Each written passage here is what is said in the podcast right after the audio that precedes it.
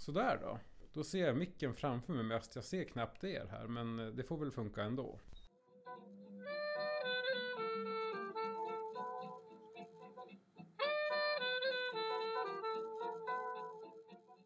Välkomna till Dataministeriet med mig Anders Bäckström. Och mig, Filip Jonsén. Ännu ett avsnitt, ännu en eh, ny gäst. Ja, men exakt.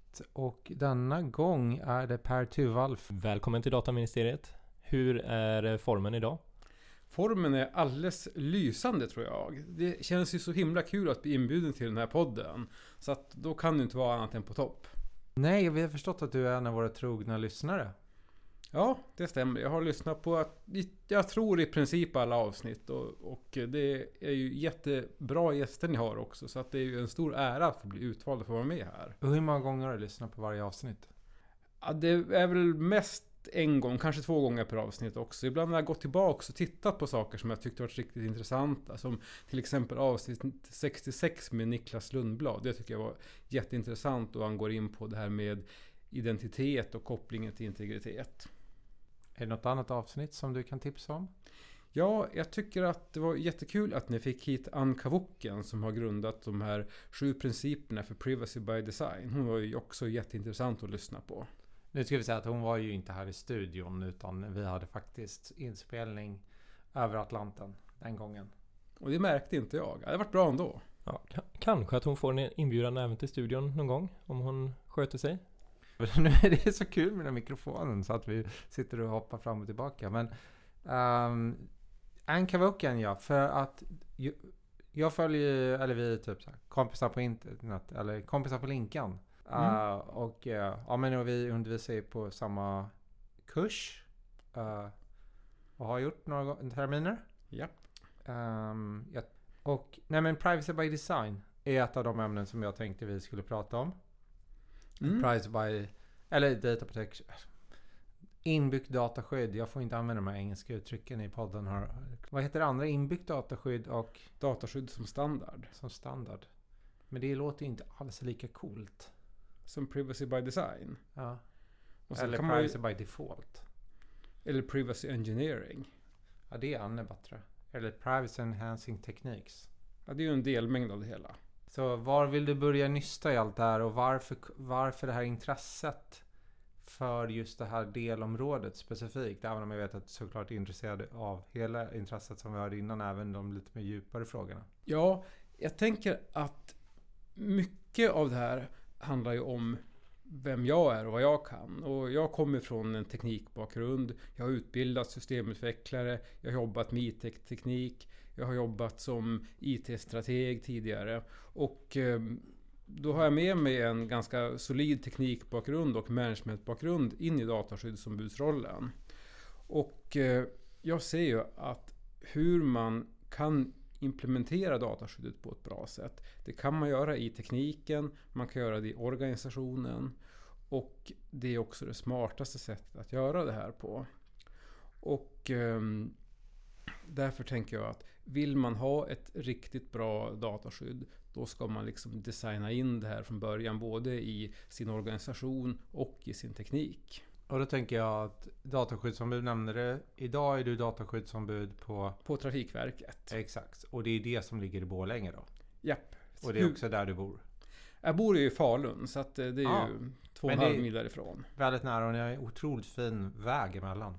Ja, alltså på något sätt så blev det en jättefin motorväg här när Vägverket hade sitt huvudkontor i Borlänge och halva personalen jobbade i, bodde i Falun. Så att, ja, den behövdes nog också. Vad, eh, vad hade du gjort innan du kom till Trafikverket där då? Vad, vad var du på dessförinnan så att säga? Mm. Jag har varit på Trafikverket rätt länge, faktiskt i 14 år nu och rollen som dataskyddsombud är min fjärde roll på Trafikverket. Och innan jag var dataskyddsombud så var jag IT-strateg på vår avdelning för stora projekt. Och stora projekt på Trafikverket, det är då alltså projekt som har en budget på 4 miljarder eller mer. Och då pratar vi om Förbifart Stockholm, Tvärförbindelse Södertörn, Norrbotniabanan, Citybanan, den storleken på projekt.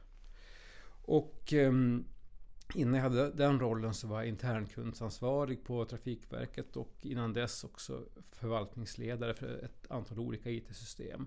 Och eh, innan dess så har jag jobbat som IT-konsult inom datakommunikation och säkerhet och projektledning. Och innan dess har jag också utbildat systemutvecklare och jag är själv civilingenjör i datavetenskap i grunden. Och jag tänker så här med, med Trafikverket, för att jag har inte 100% koll på allt här. Vad är vad? Så här, vägverk, Trafikverk, körkort, vägarna, järnvägarna, Banverket. Liksom, vad gör Trafikverket? Mm.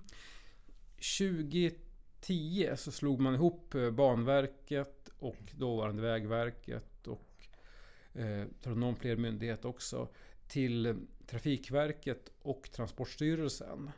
Och på Transportstyrelsen så la man körkortshantering, fordonsuppgifter och regelfrågor och lagstyrning. Medan Trafikverket är mera en renodlad väg och järnvägsunderhållare och eh, byggar och förvaltningsmyndighet.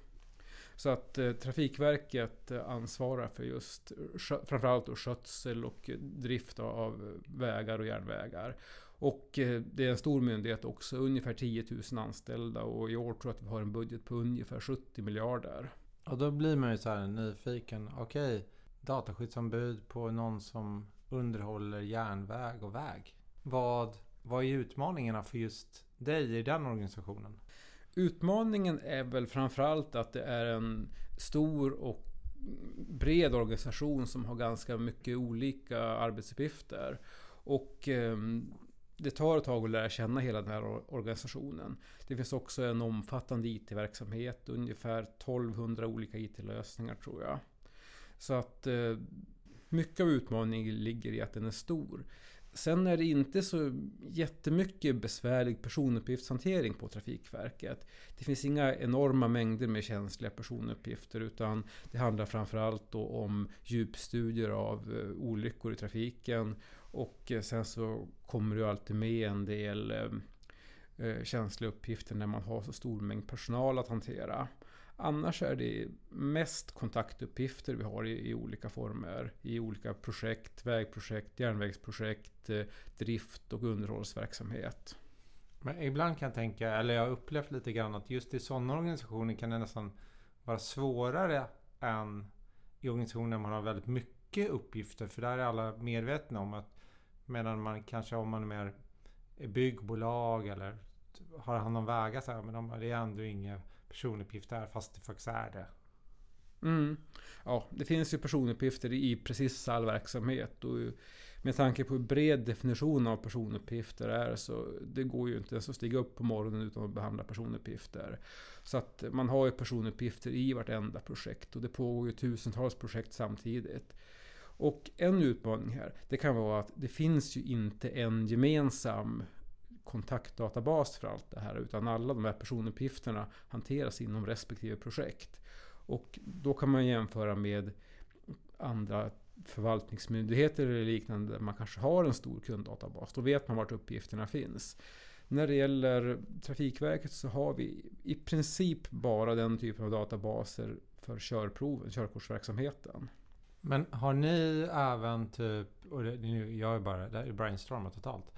Typ så här GPS-tracking för att se var åker alla bilar, var behöver vi bygga? Eller tåg, var är alla tåg?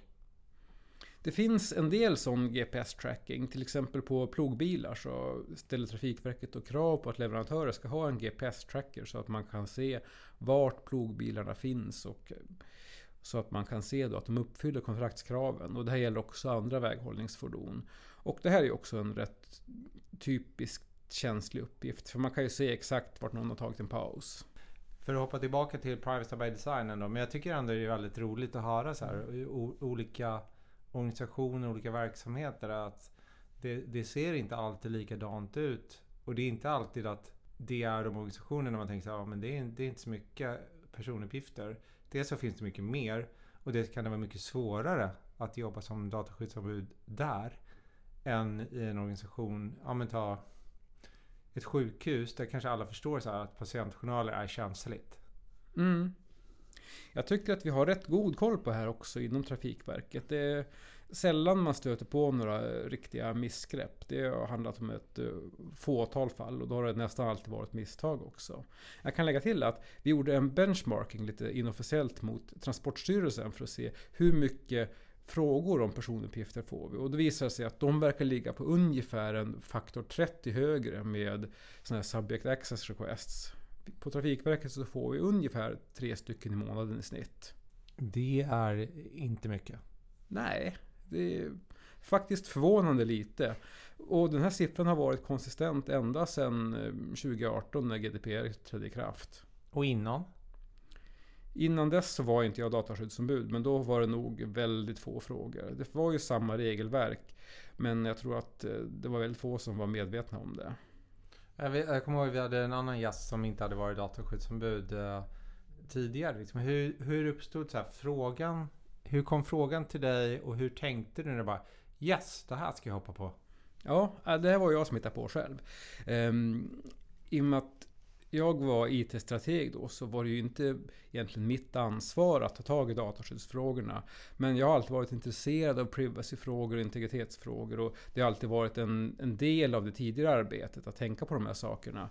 Och då märkte jag att det var ingen som hade tagit tag i GDPR-frågan på Trafikverket. Så att ehm, då erbjöd jag mig att initiera det här projektet och starta upp det i väntan på att vi kunde få in då en konsult som kunde driva det. Och det ledde till att eh, jag och en konsult då tillsammans drev det här projektet och egentligen då byggde hela Trafikverkets GDPR-compliance under 2017 och 2018. Och eh, efter det så blev jag rekryterad som dataskyddsombud. Så att eh, det var lite bananskal att jag kom in på den här rollen. Jag hade inte tänkt det från början. Och det som var kul med det var att jag tänkte att det här kanske inte är så himla kul. Men det har faktiskt varit mycket roligare än vad jag trodde det skulle vara. Ja, är du dataskyddsombud på heltid eller har du flera hattar? På eh, Trafikverket så har jag dataskyddsombudsrollen på heltid. Och eh, dessutom har jag en del sidouppgifter också. Jag jobbar en hel del med immaterialrättsfrågor. Jag har till exempel varit med och skrivit en ESAM-rapport nyligen om hur man ska kunna upphandla med öppna licenser. Och eh, snart kommer DIGG att komma ut med en rekommendation också om hur man ska göra det här och där är jag också medförfattare. Och eh, det har också varit en sån här sak som jag har kunnat och varit intresserad av och drivit länge på Trafikverket. För att ja, det har inte varit så många andra som har haft eh, tid och möjlighet att jobba med de frågorna. Så att det har varit en sidouppgift. Och eh, sen så har jag också mitt eget företag då som jag började starta upp förra året. På, eh, ja, på fritiden då också. Så att eh, ja, det är ju inte en, en sidouppgift inom jobbet på det sättet. Men det tar ju tid ändå. Ha fritiden. Mycket kvällar och helger. Men hur skulle du säga att du haft väldigt stor nytta då av det? För då hade du ändå ganska lång bakgrund inom Trafikverket innan du gick på dataskyddsombudsrollen. Skulle du säga att du haft väldigt stor nytta av den? Eh, tror du att eh, det hade varit svårt för någon att komma externt ifrån? Eller hur, hur ser du på det?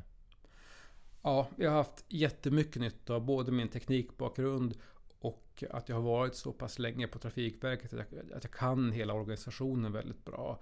Och det gjorde att jag hade ett väldigt väl upparbetat kontaktnät inom hela Trafikverket och särskilt IT-avdelningen när man skulle genomföra det här projektet. Och, och, det gjorde att då kunde man designa hela GDPR-compliancen på ett sätt som faktiskt fungerade från början och fungerade praktiskt. Och eh, jag visste ju också vad som vad i Trafikverkets styrning som fungerar bra och vad som fungerar mindre bra. Och det gjorde att jag kunde anpassa GDPR-anpassningen så att den faktiskt blev effektiv och, och, praktisk. Och en fråga som alltid kommer, förlåt att jag avbröt Anders, men det är ju var är dataskyddsombudet placerad i organisationen och hur rapporterar du? Det är en återkommande fråga som vi har fått av många lyssnare som de är väldigt intresserade av. Mm. Det där hade vi en lång diskussion om på Trafikverket. Var är det lämpligast att sätta dataskyddsombudet? Ska det vara på säkerhetsavdelningen? Eller ska det vara på Eh, styrningsavdelningen? Eller ska det vara på juridikavdelningen?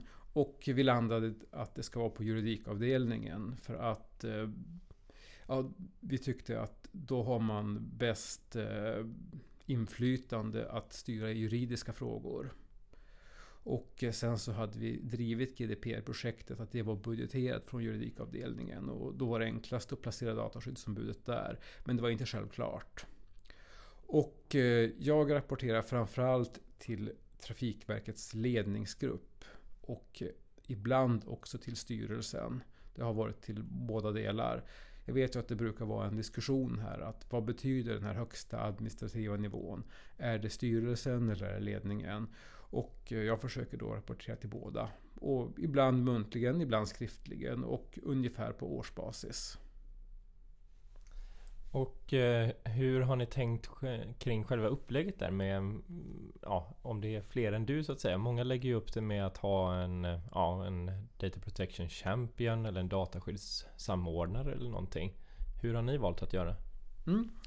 Vi har gjort ungefär på samma sätt som Länsstyrelserna. Att vi har mig som dataskyddsombud och som dataskyddsombud så är min roll rådgivande och granskande. Sen har vi en persondataanalytiker som är placerad på säkerhetsavdelningen. Och eh, persondataanalytikern har, har en mera utförande roll och jobbar mycket med eh, persondataanalyser och konsekvensbedömningar och är mera utförande då medan jag är rådgivande i rollen. Sen har vi också ett nätverk av dataskyddssamordnare som finns då utspridda i hela organisationen. Och de här då är per process i organisationen. Och sen har vi då möten med de här dataskyddssamordnarna ungefär på månadsbasis och checkar av läget, lyssnar av vad som händer i organisationen och eh, sprider ut information på den vägen. Så att vi har ett finmaskigt nät här ute i hela Trafikverket.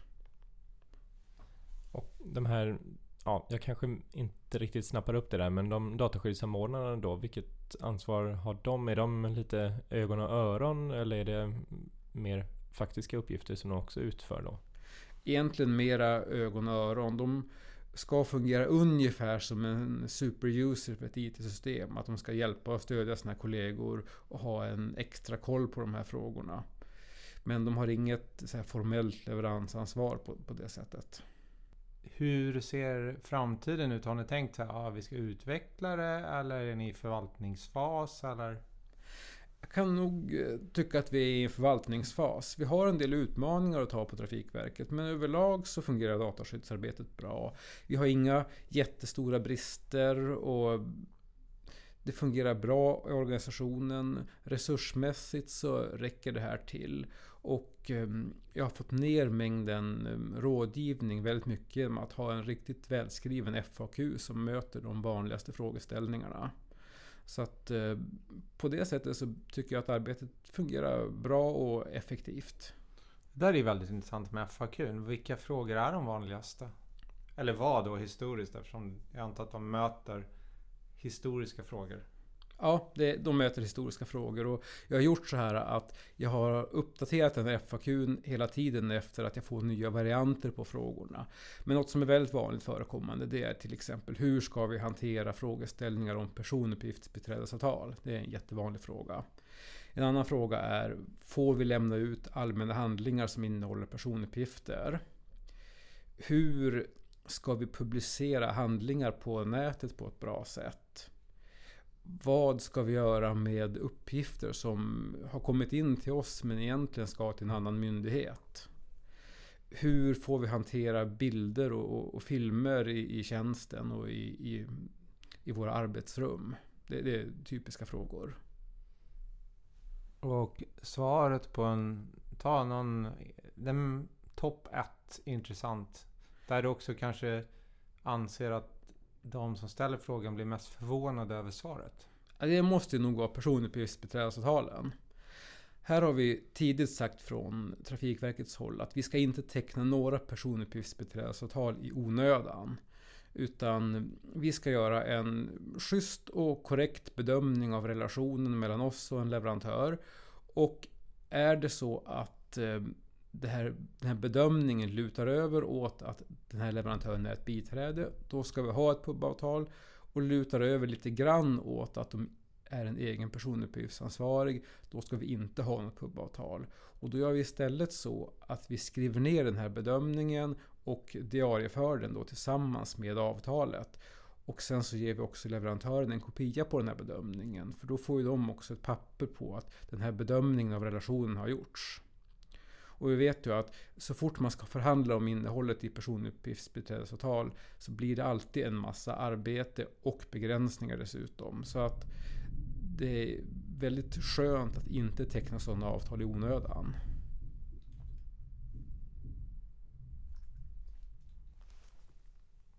Jag tror att det var någon som sprängde någonstans. Mullrade väldigt. Ja, det var våningen ovanför tror jag va? Men ja. jag tänkte på en annan av de frågorna som du hade där som jag, som jag tyckte var lite intressant. Var ju den där med att lämna ut en offentlig handling då. Mm. Och hur man ställer...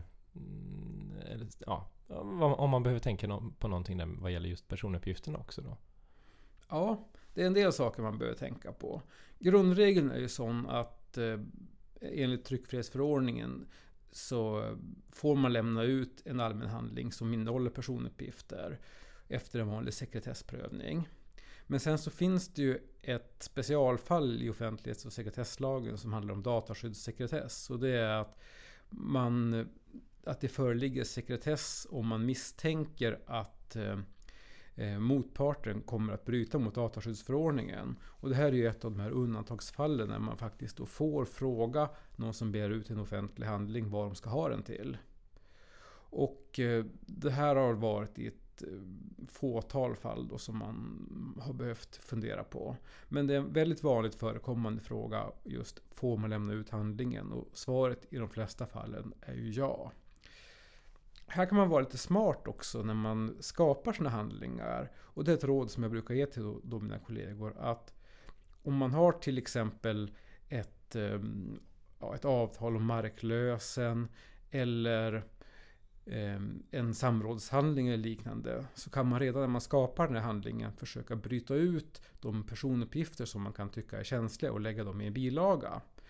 Och om någon sen då begär ut den här handlingen eller om man vill publicera den så publicerar man själva huvudhandlingen men inte bilagan med personuppgifter.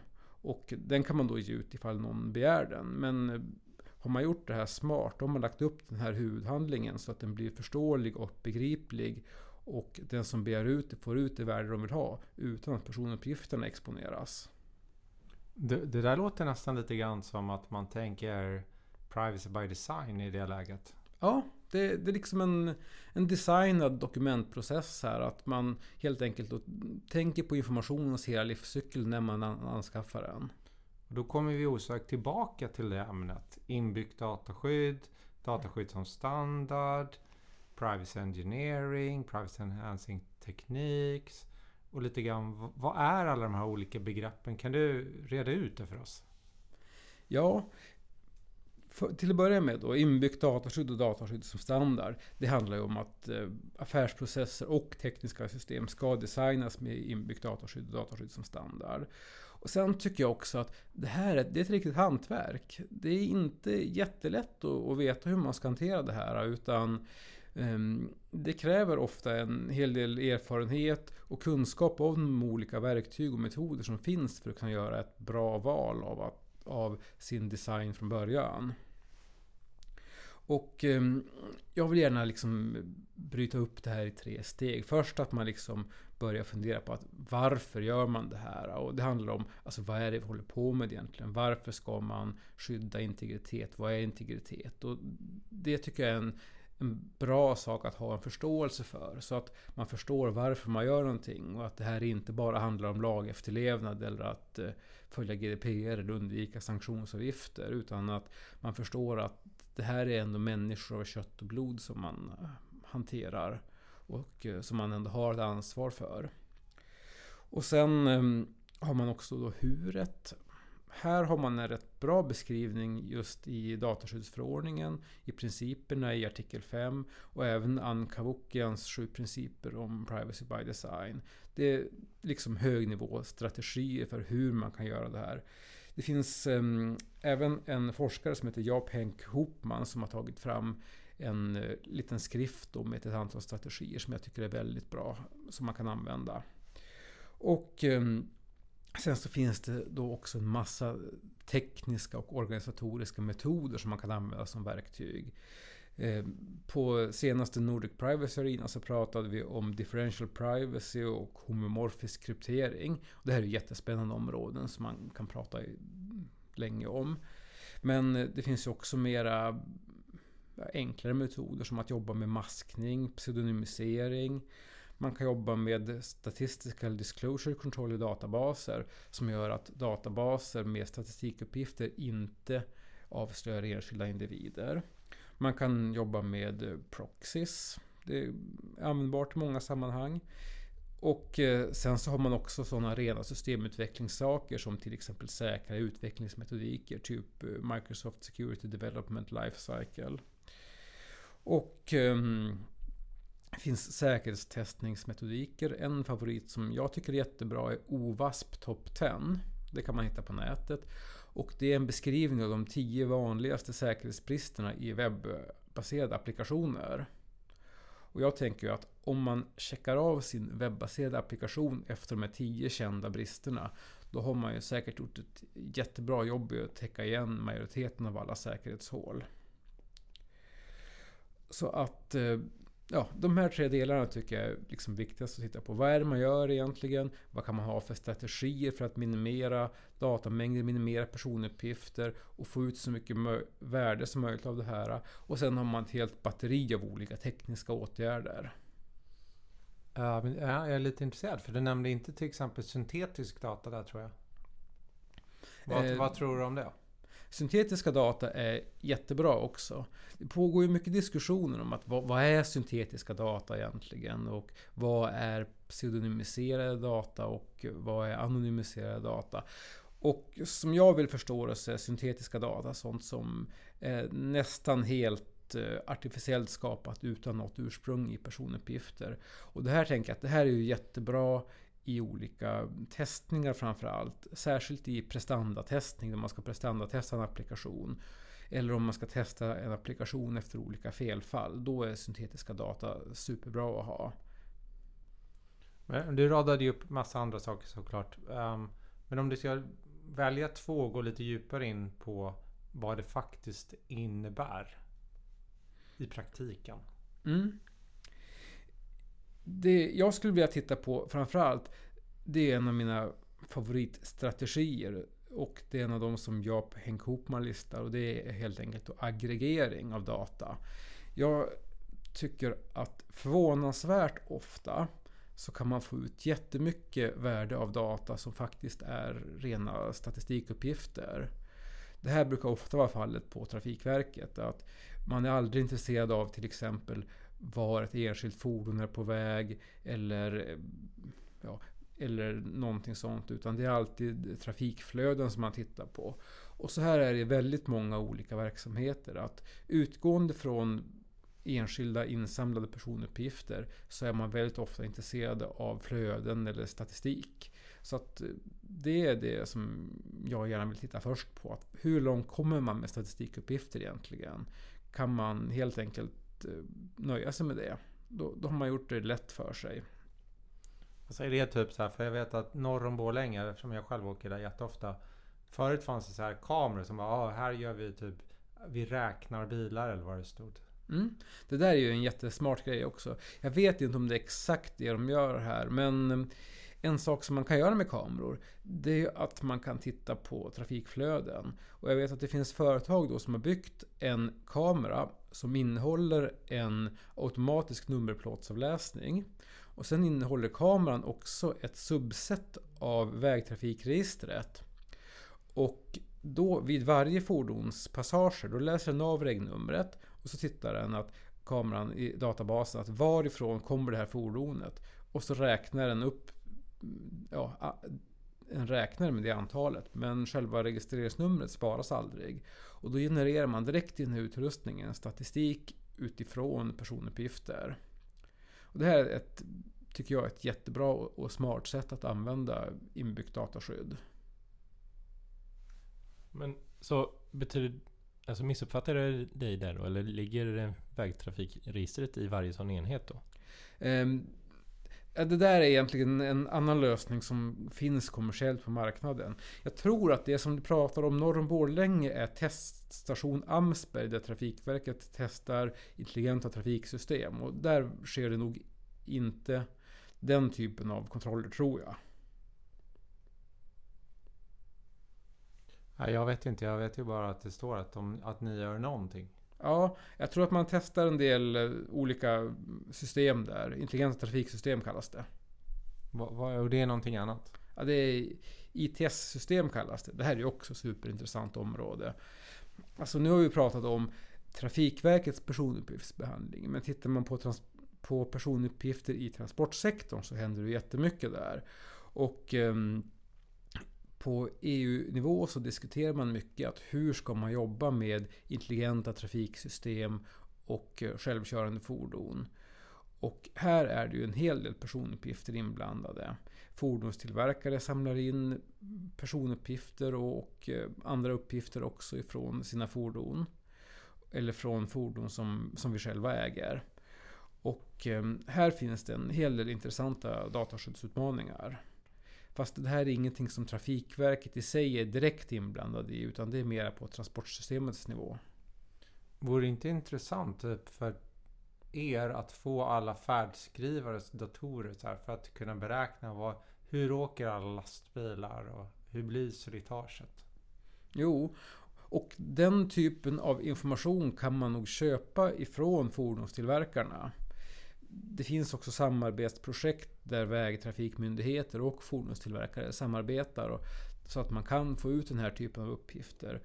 Och eh, jag vet att Trafikverket är också involverade i projekt när vi också direkt hämtar fordonsdata via fordonstillverkare för att få ut underhållsinformation. Eh, vi kom från, det var mitt fel. Vi skulle be om två stycken sådana där tekniker. Ja, en annan sak som jag tycker är jätteintressant att titta på det är så kallad Statistical Disclosure Control. Och eh, det funkar ju så att om man har en eh, databas med statistikuppgifter i så kan det vara så att om man gör vissa urval så kan de urvalen då peka ut enskilda individer. Det här har man till exempel kunnat sett på hitta.se när de Jag vet inte om de har det fortfarande men det fanns en livsstilsindikator där. Och då kunde man röra runt kartan och så kunde man se att vad medelinkomsten var i vissa områden. Och då såg man ju att flyttade man den här markören till ett väldigt glesbefolkat område så kunde det till och med vara så glesbefolkat att det bara fanns ett hus där. Och då avslöjade de var det fanns för medelinkomster på, på den fastigheten. Och det här är ju ett typexempel på misslyckad Statistical Disclosure Control. Att um, har man den typen av statistikdatabaser då är det klokt att göra ett arbete och, och titta igenom det här och se vad kan man ställa för frågor mot databasen så att man inte avslöjar enskilda individer på det sättet. Och, och själva den här tekniken, som, hur funkar den? Är det typ att man inte avslöjar Den räknar ut, det är alltid minst 100 i underlaget typ.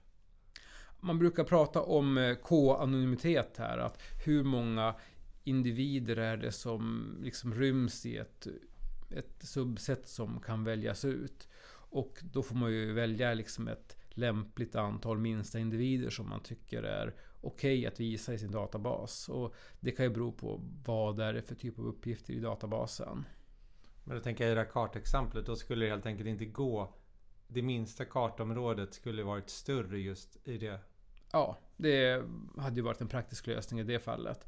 En inkomstuppgift är ju rätt känslig så att där borde de kanske ha tänkt till bättre. Jag tror att de har designat om det här nu. Ja, man får väl nästan hoppas det. För det var ju, du sa väl det, politisk åskådning var ju också med där. Och det är ju ändå en känslig personuppgift även i dataskyddsförordningens mening. Eller ja, alltså, ja, rösta blått eller rösta rött eller någonting var det ju som det fanns på de där. Ja, det har rätt Det fanns också ja. Eh, ja. Eller borgerligt stod det väl kanske. Men eh, jag tänkte på det här du nämnde innan där med nu tappar jag termen på det, men lite påhittade uppgifter då? Alltså konstruerade uppgifter. Syntetiska. Ja.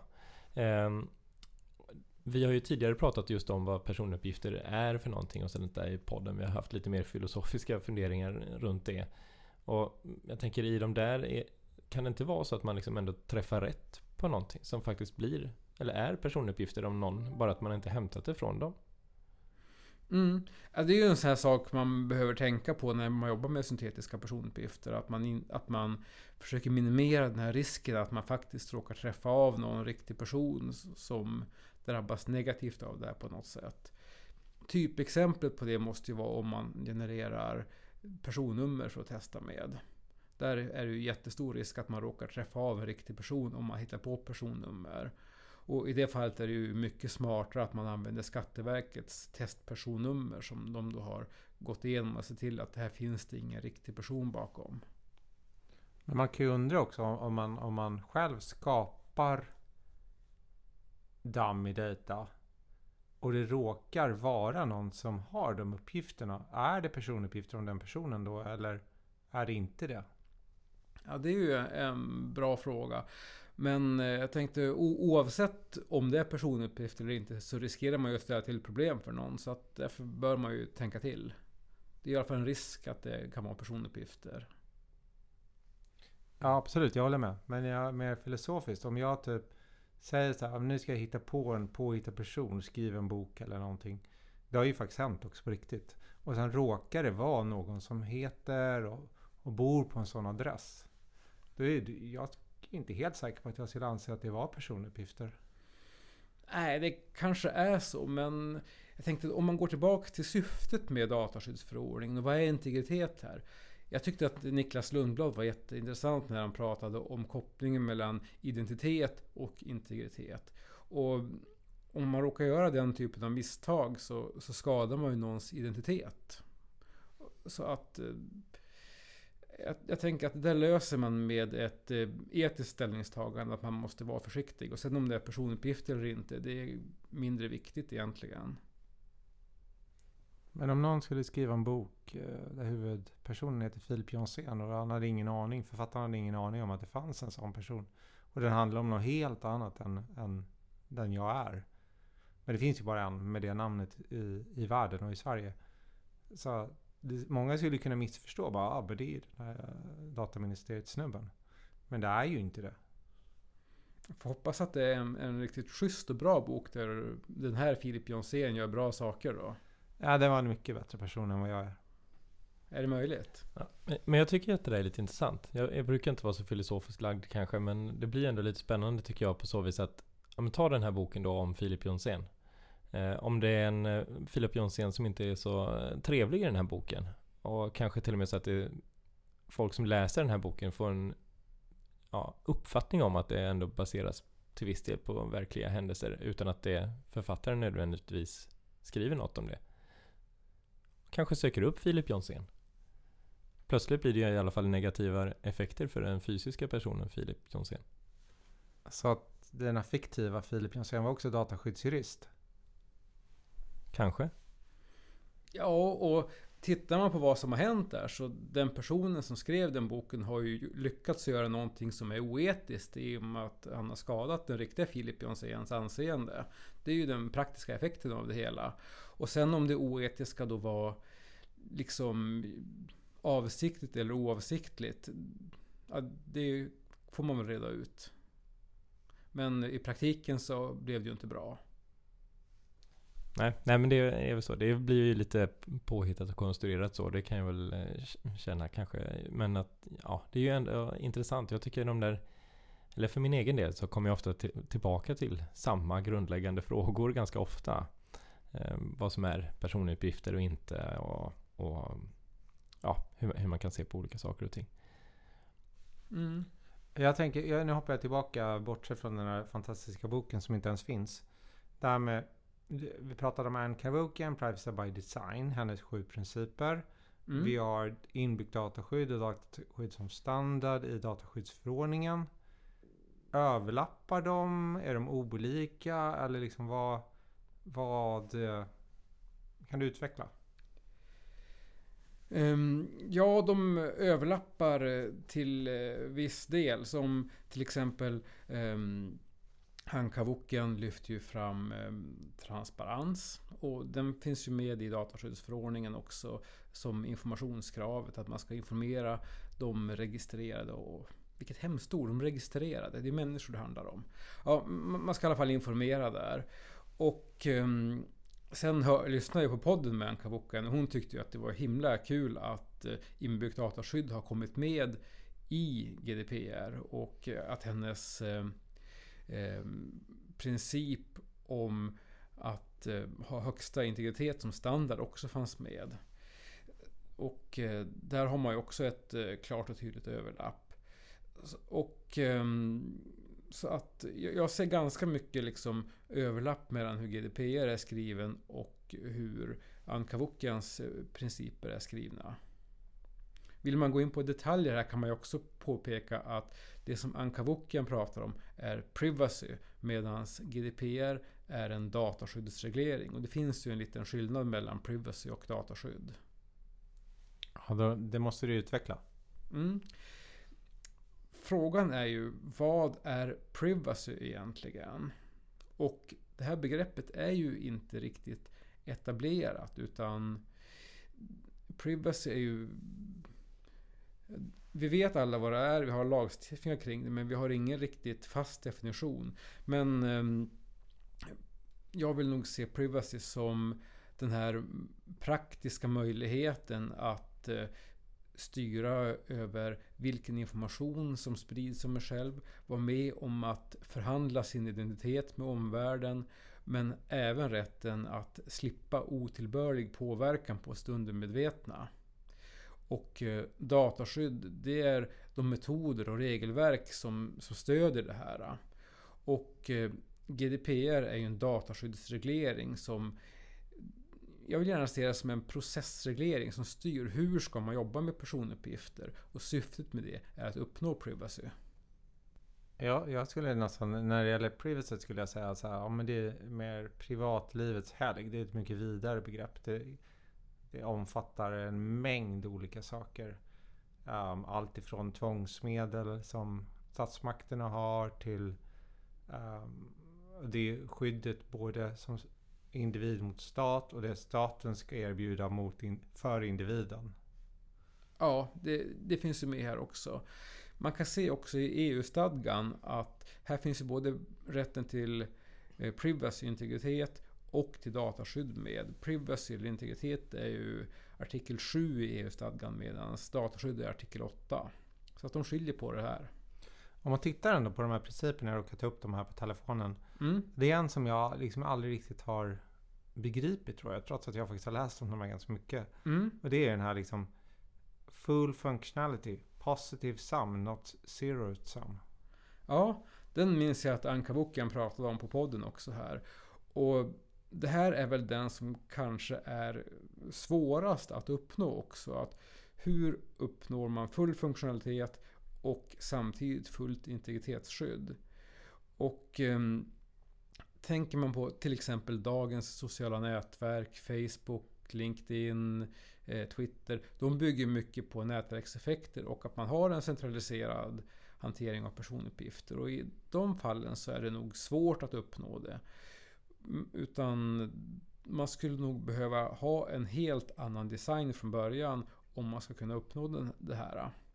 Så att eh, jag tänker att det här är en princip som kräver att man tänker till riktigt ordentligt och det kan vara svårt att få till också. Om man jämför också, tänker jag, de här sju principerna med hur det är formulerat i dataskyddsförordningen. För det är ju en speciell artikel som handlar om inbyggt dataskydd och dataskydd som standard. Medan vissa av hennes principer är ju principerna som du nämnde tidigare i artikel 5. Mm. Hur, hur, ska man tänka kring att det både finns en specifik artikel som bara allmänt säger nu ska jag använda den här typen av principer. Sen finns det andra artiklar som säger mer i detalj, så här data, dataminimering och bla bla bla, säkerhet. Mm. Jag skulle tolka artikel 25 som att man ska bygga in en hantering av de här principerna i sina verksamhetsprocesser och i sin utvecklingsmetodik. Men är det Går det kravet utöver de mer specifika? Finns det ytterligare principer?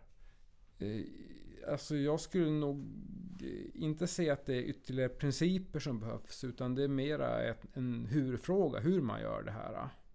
Om man tar ett praktiskt exempel. Hur bygger man in principerna från artikel 5? Ja, då kan man göra som vi gjort på Trafikverket. Att när man tar fram en ny process eller en ny IT-lösning eller en kraftigt förändrad eh, IT-lösning eller process, då ska man genomföra en informationssäkerhetsanalys. Och en delmängd av den informationssäkerhetsanalysen är en persondataanalys.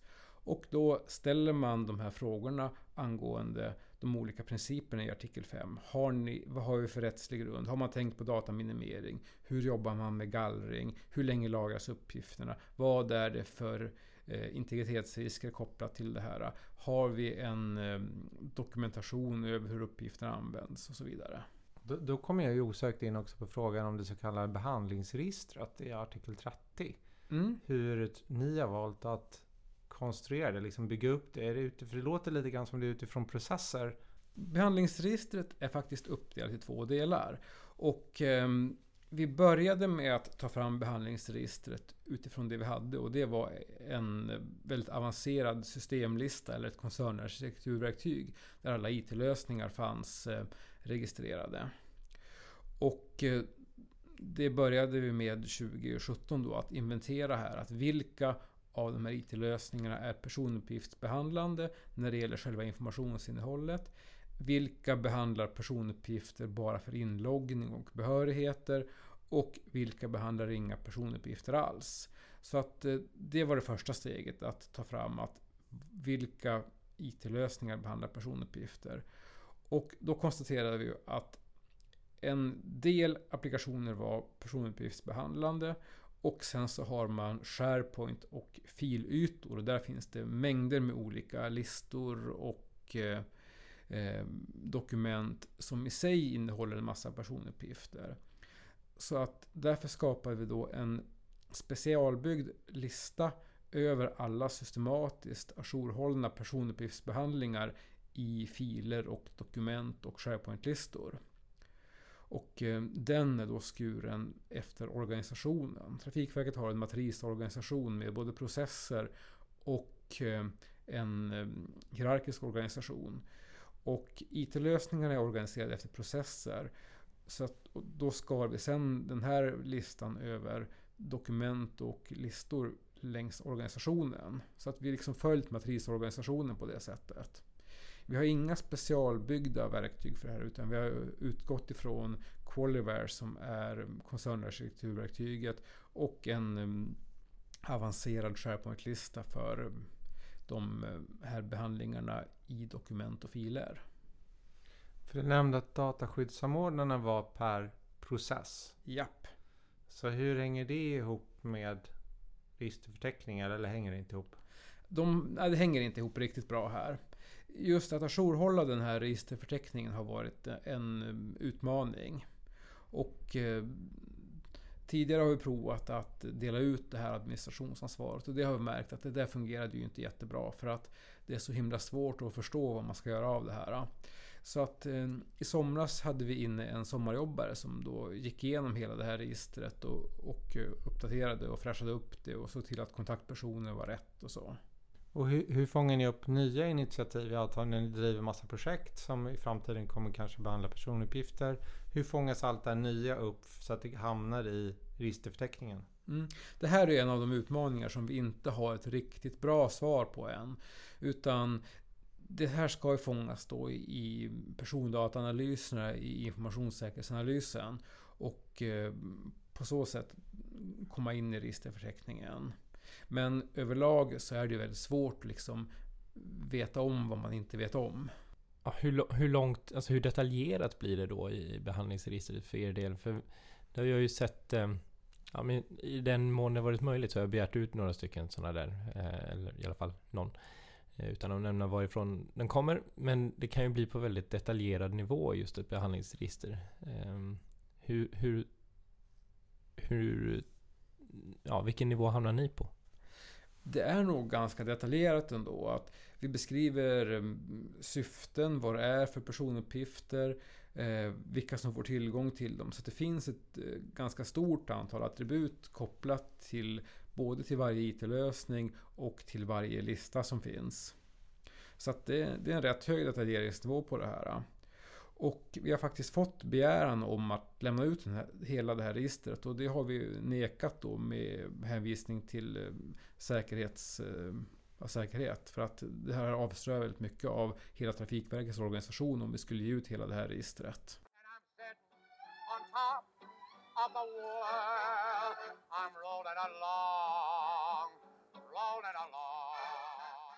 Vi måste ändå prata om tredjelandsöverföringar och databaser. Det är ändå ett hett tema, ni är del i ESAM. Ja, det här är ju ett jätteintressant ämne också. Och det här är ju det som kanske tar upp den största delen av arbetstiden just nu. Hur ska man hantera molntjänster? Och där har ju Trafikverket en väldigt bra sitsen att man har väl, länge varit väldigt konservativ vad gäller molntjänster. Så att eh, Trafikverket har nästan inga egna molntjänster i egen regi. Utan problemet är leverantörerna. Och eh, här har vi gjort undersökningar av leverantörsmarknaden och eh, i alla fall strax efter Schrems 2-domen så konstaterar vi i en informell undersökning att ungefär 90% av våra leverantörer hade någon form av Schrems 2-relaterad problematik. Och eh, sen dess så har vi börjat, eh, börjat jobbat med att försöka få en mycket bättre ordning på det här. Rent formellt sett så är de flesta av våra leverantörer egna personuppgiftsansvariga. Och det innebär ju att lyckligtvis så hamnar ansvaret för eventuella GDPR-överträdelser på leverantören och inte på oss. Men realiteten blir ju ändå att en del av leveranskedjan inte utförs eh, helt lagligt troligen. Och det är ju inte en situation som är okej i längden. Nej, men jag tänkte eftersom ni ändå är med i det här projektet, Mm. eller ESAM-samordningen. Och eh, vad har ni just nu? Var ni med i den här piloten när man testade under fem veckor ungefär? Mm. Flera av mina kollegor är med i det här projektet eh, Digital samverkan som bedrivs inom ESAM. Och det här tycker jag är ett jättebra projekt för att eh, det, den allmänna uppfattningen tidigare har varit att det finns inga reella alternativ till Microsoft 365 och, och Teams. Och det här projektet har ju visat att det finns ju en leverantörsmarknad och det finns alternativ att tillgå. Och eh, de har bidragit till jättemycket ny kunskap här. Och jag tror också att det är den här vägen man måste gå. För att det går inte att bara säga att någonting är förbjudet och hota med sanktionsavgifter. Utan det måste finnas bra och praktiska alternativ. Så att eh, det här tycker jag är helt rätt väg att gå. Sen är det ju inte bara en fråga om GDPR och dataskydd heller, utan vi har ju också offentlighets och sekretesslagen att ta hänsyn till inom offentlig verksamhet. Och eh, om man för över uppgifter med sekretess till en leverantör så blir det ju alltid ett röjande. Och det röjandet kan vara lagligt eller olagligt, men det blir ett röjande. Och det här är ju också ett problem när det gäller molntjänster överlag. Både europeiska och amerikanska och andra. Och sen har man också ett tredje perspektiv och det är frågan om digital suveränitet.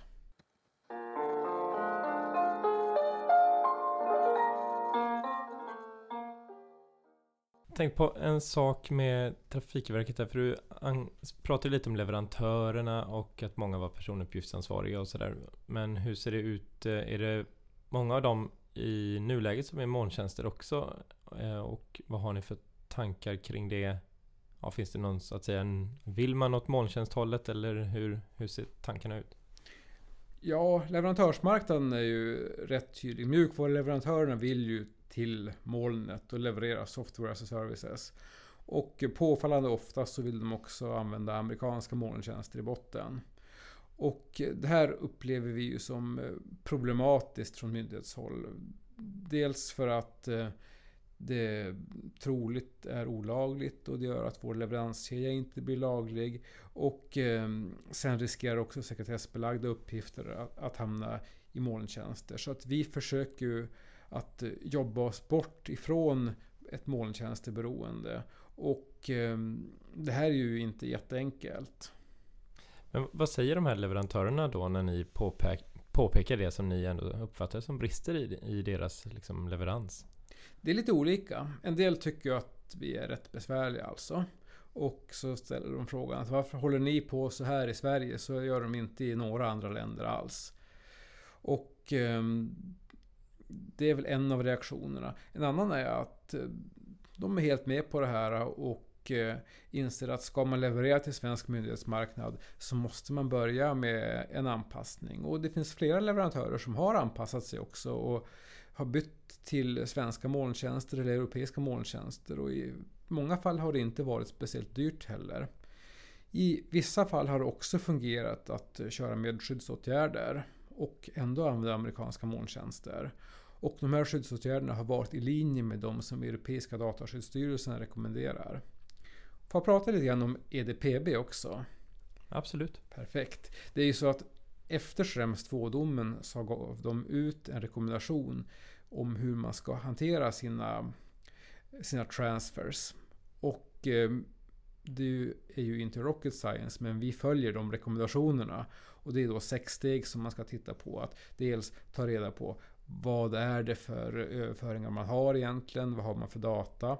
Vad bygger de på för eh, överföringsmekanism? Och eh, hur fungerar tredjelandets lagstiftning ihop med det här? Alltså en transfer impact assessment. Och sen kan man vidta skyddsåtgärder för att förbättra efterlevnaden och integritetsskyddet. Och sen då att upprepa det här i jämna intervaller, lämpliga intervaller. Och, och det här är ju liksom grundpelaren för hur vi hanterar alla molntjänster som har en juridisk tveksamhet. Att vi följer det här. Och eh, hur ser du nu då på, nu har det ju hänt lite grejer just med tredjelandsöverföringar, i alla fall vad det gäller en hyfsat stor spelare på marknaden, eh, nämligen de over there. Eh, och den nya Executive Order som Biden släppte här för en tid sedan. Hur eh, förändrar det någonting, tänker du? Ja, det gör det. Jag är inte klar med min egen analys riktigt här. Men jag har vänt lite diskussioner på LinkedIn och annat. Och det jag lutar mot just nu är att vi kanske får ett nytt adekvansbeslut som ersätter Privacy Shield. Att vi får en, eh, Eh, en ersättare för den. Men det mest intressanta just nu är att det här påverkar troligen de Transfer Impact Assessments som man måste göra. Och det gör de med en gång. Så att eh, för alla som är beroende av amerikanska molntjänster så tror jag nog att läget har förbättrats direkt med en gång. Och när man får en så kallad redress mekanism på plats i USA så blir det nog ännu bättre också. Så att det här har nog påverkan med en gång.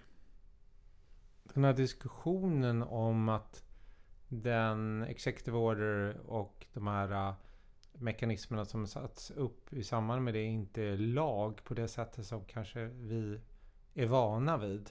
Har, har du följt den någonting? Ja, jag, jag har följt den och eh, som jag förstår den just nu, det här, det här, kan jag ha fel i, det här är liksom bara en preliminär analys, så jag tänker inte liksom stå för den fullt ut, utan den kan ju komma att ändras då. Men det är att lagligheten i det här eh, påverkar framförallt ett eh, kommande adekansbeslut. Medan den exekutiva ordern påverkar hur lagstiftningen verkligen tillämpas. Och det är det man måste bedöma när man gör sin Transfer Impact Assessment. Ja, men jag tänkte på eh, om man backar bandet så för det har ju varit förhandlingar tidigare mellan kommissionen och eh, USA. Jag vet inte exakt vilken det har varit, om, om det är Federal Trade Commission eller någonting. Kommissionen borde i alla fall vara nöjda kan man tycka. Ja, förhoppningsvis. Det, jag har inte följt de eh, förhandlingarna direkt utan jag har egentligen mest väntat på sett vad är det som kommer ut av det här och tänkt att då får man bedöma det när det väl kommer.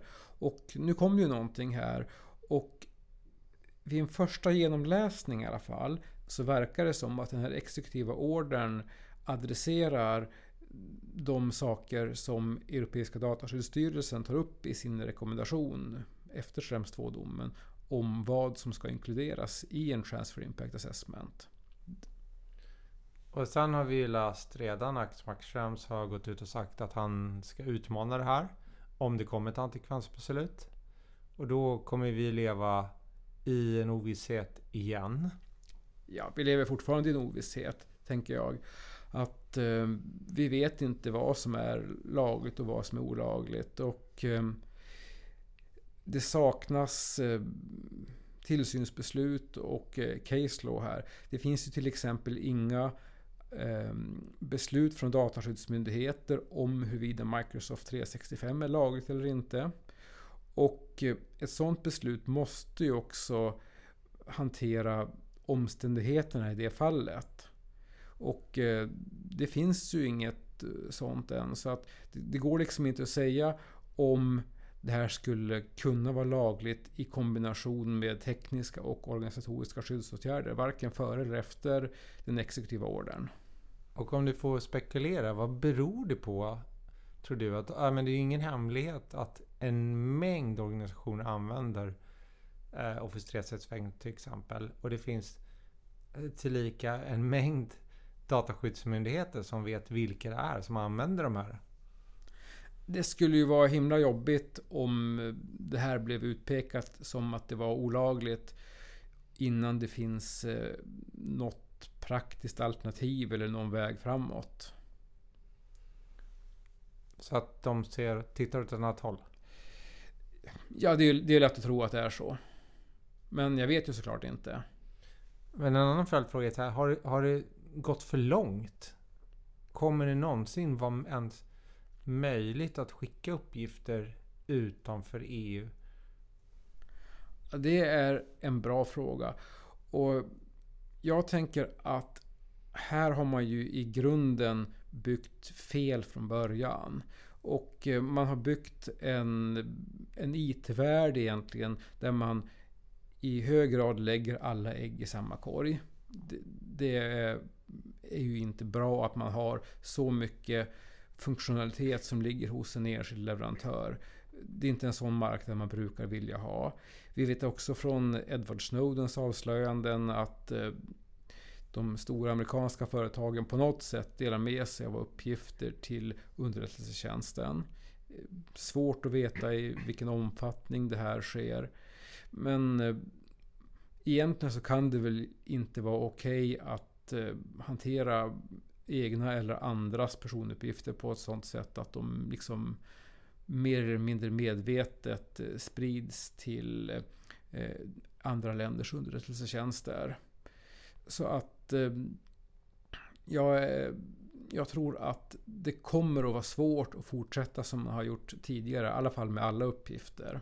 Och här ser man ju också vilken inriktning som svensk stat har tagit i och med det slutbetänkandet i IT-driftsutredningen till exempel. Att man pekar på behovet av att ha en svensk statlig IT-drift och en IT-drift som vi har rådighet över. Och man kan se här också hur debatten börjar skifta. Man har pratat mycket om digitalisering. Nu börjar man prata mera om säkerhet och rådighet.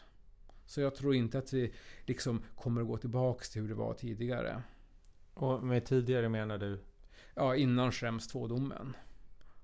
Och det implicita ställningstagandet att digitalisering är samma sak som molntjänster. Men åter till eh, min fråga då, Sam. Då, då låter det nästan som att vi kommer bygga en EU-ö. För att om man börjar utmana, men nu har vi Storbritannien som har eh, slutit ett avtal med USA om delning av uppgifter. Det är väl troligt att det adekvansbeslutet inte egentligen skulle hålla längre. Vi har ju adekvansbesluten för Israel som har ifrågasatts. Mm. Vi har adekvansbeslut för eh, ja, nej, Nya Zeeland som är med i en underrättelseallians med eh, USA. Ja. Och med andra såklart Australien och Storbritannien.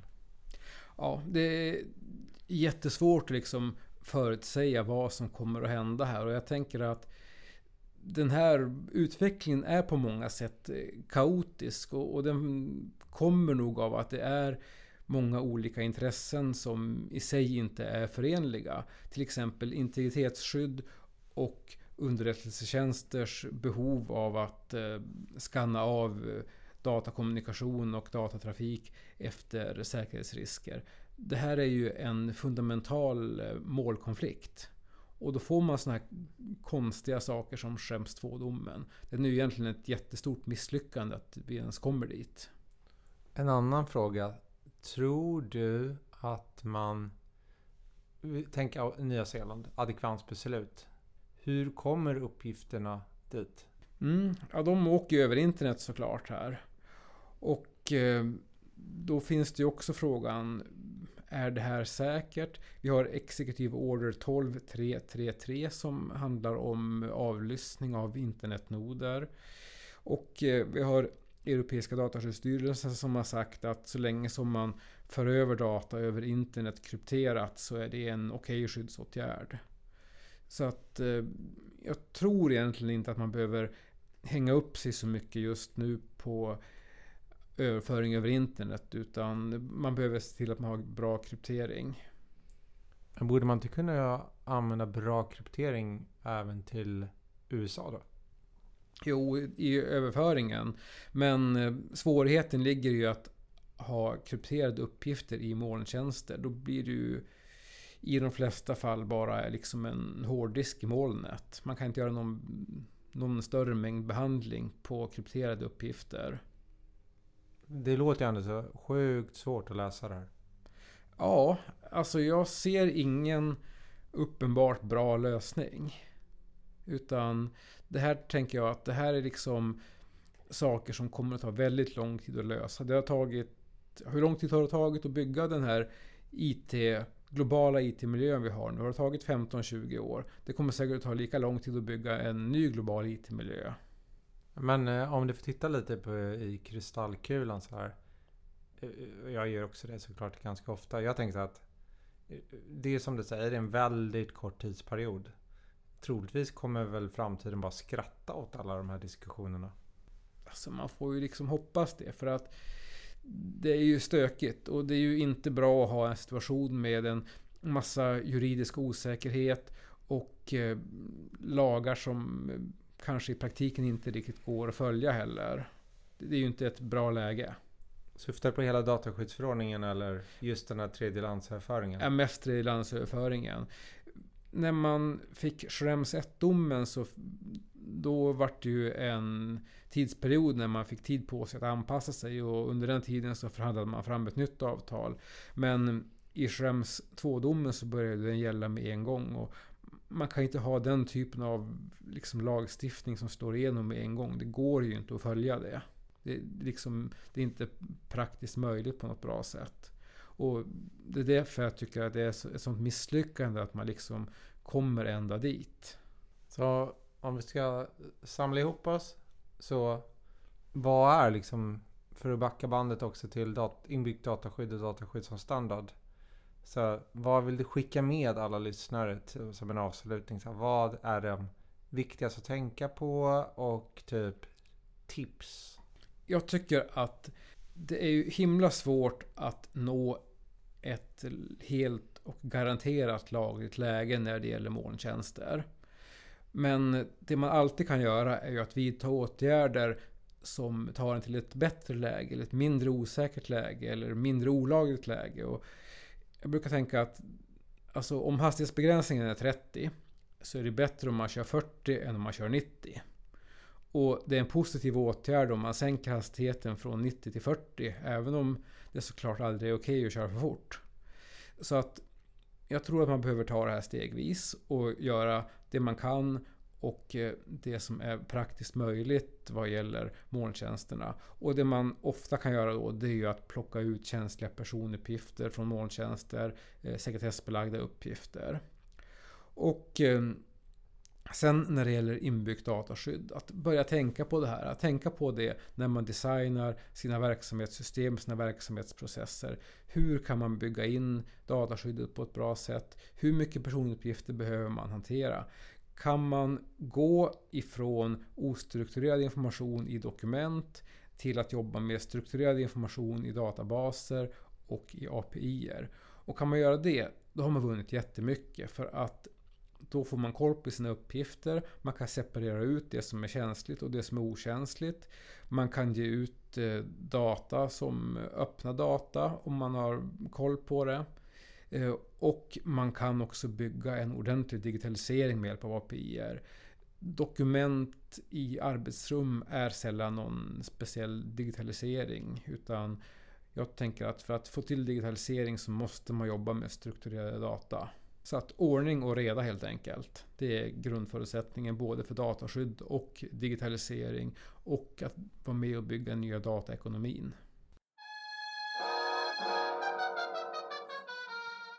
Vi tackar dig Per för att du ville vara med oss, oss i Dataministeriet. Jättekul att du ville komma.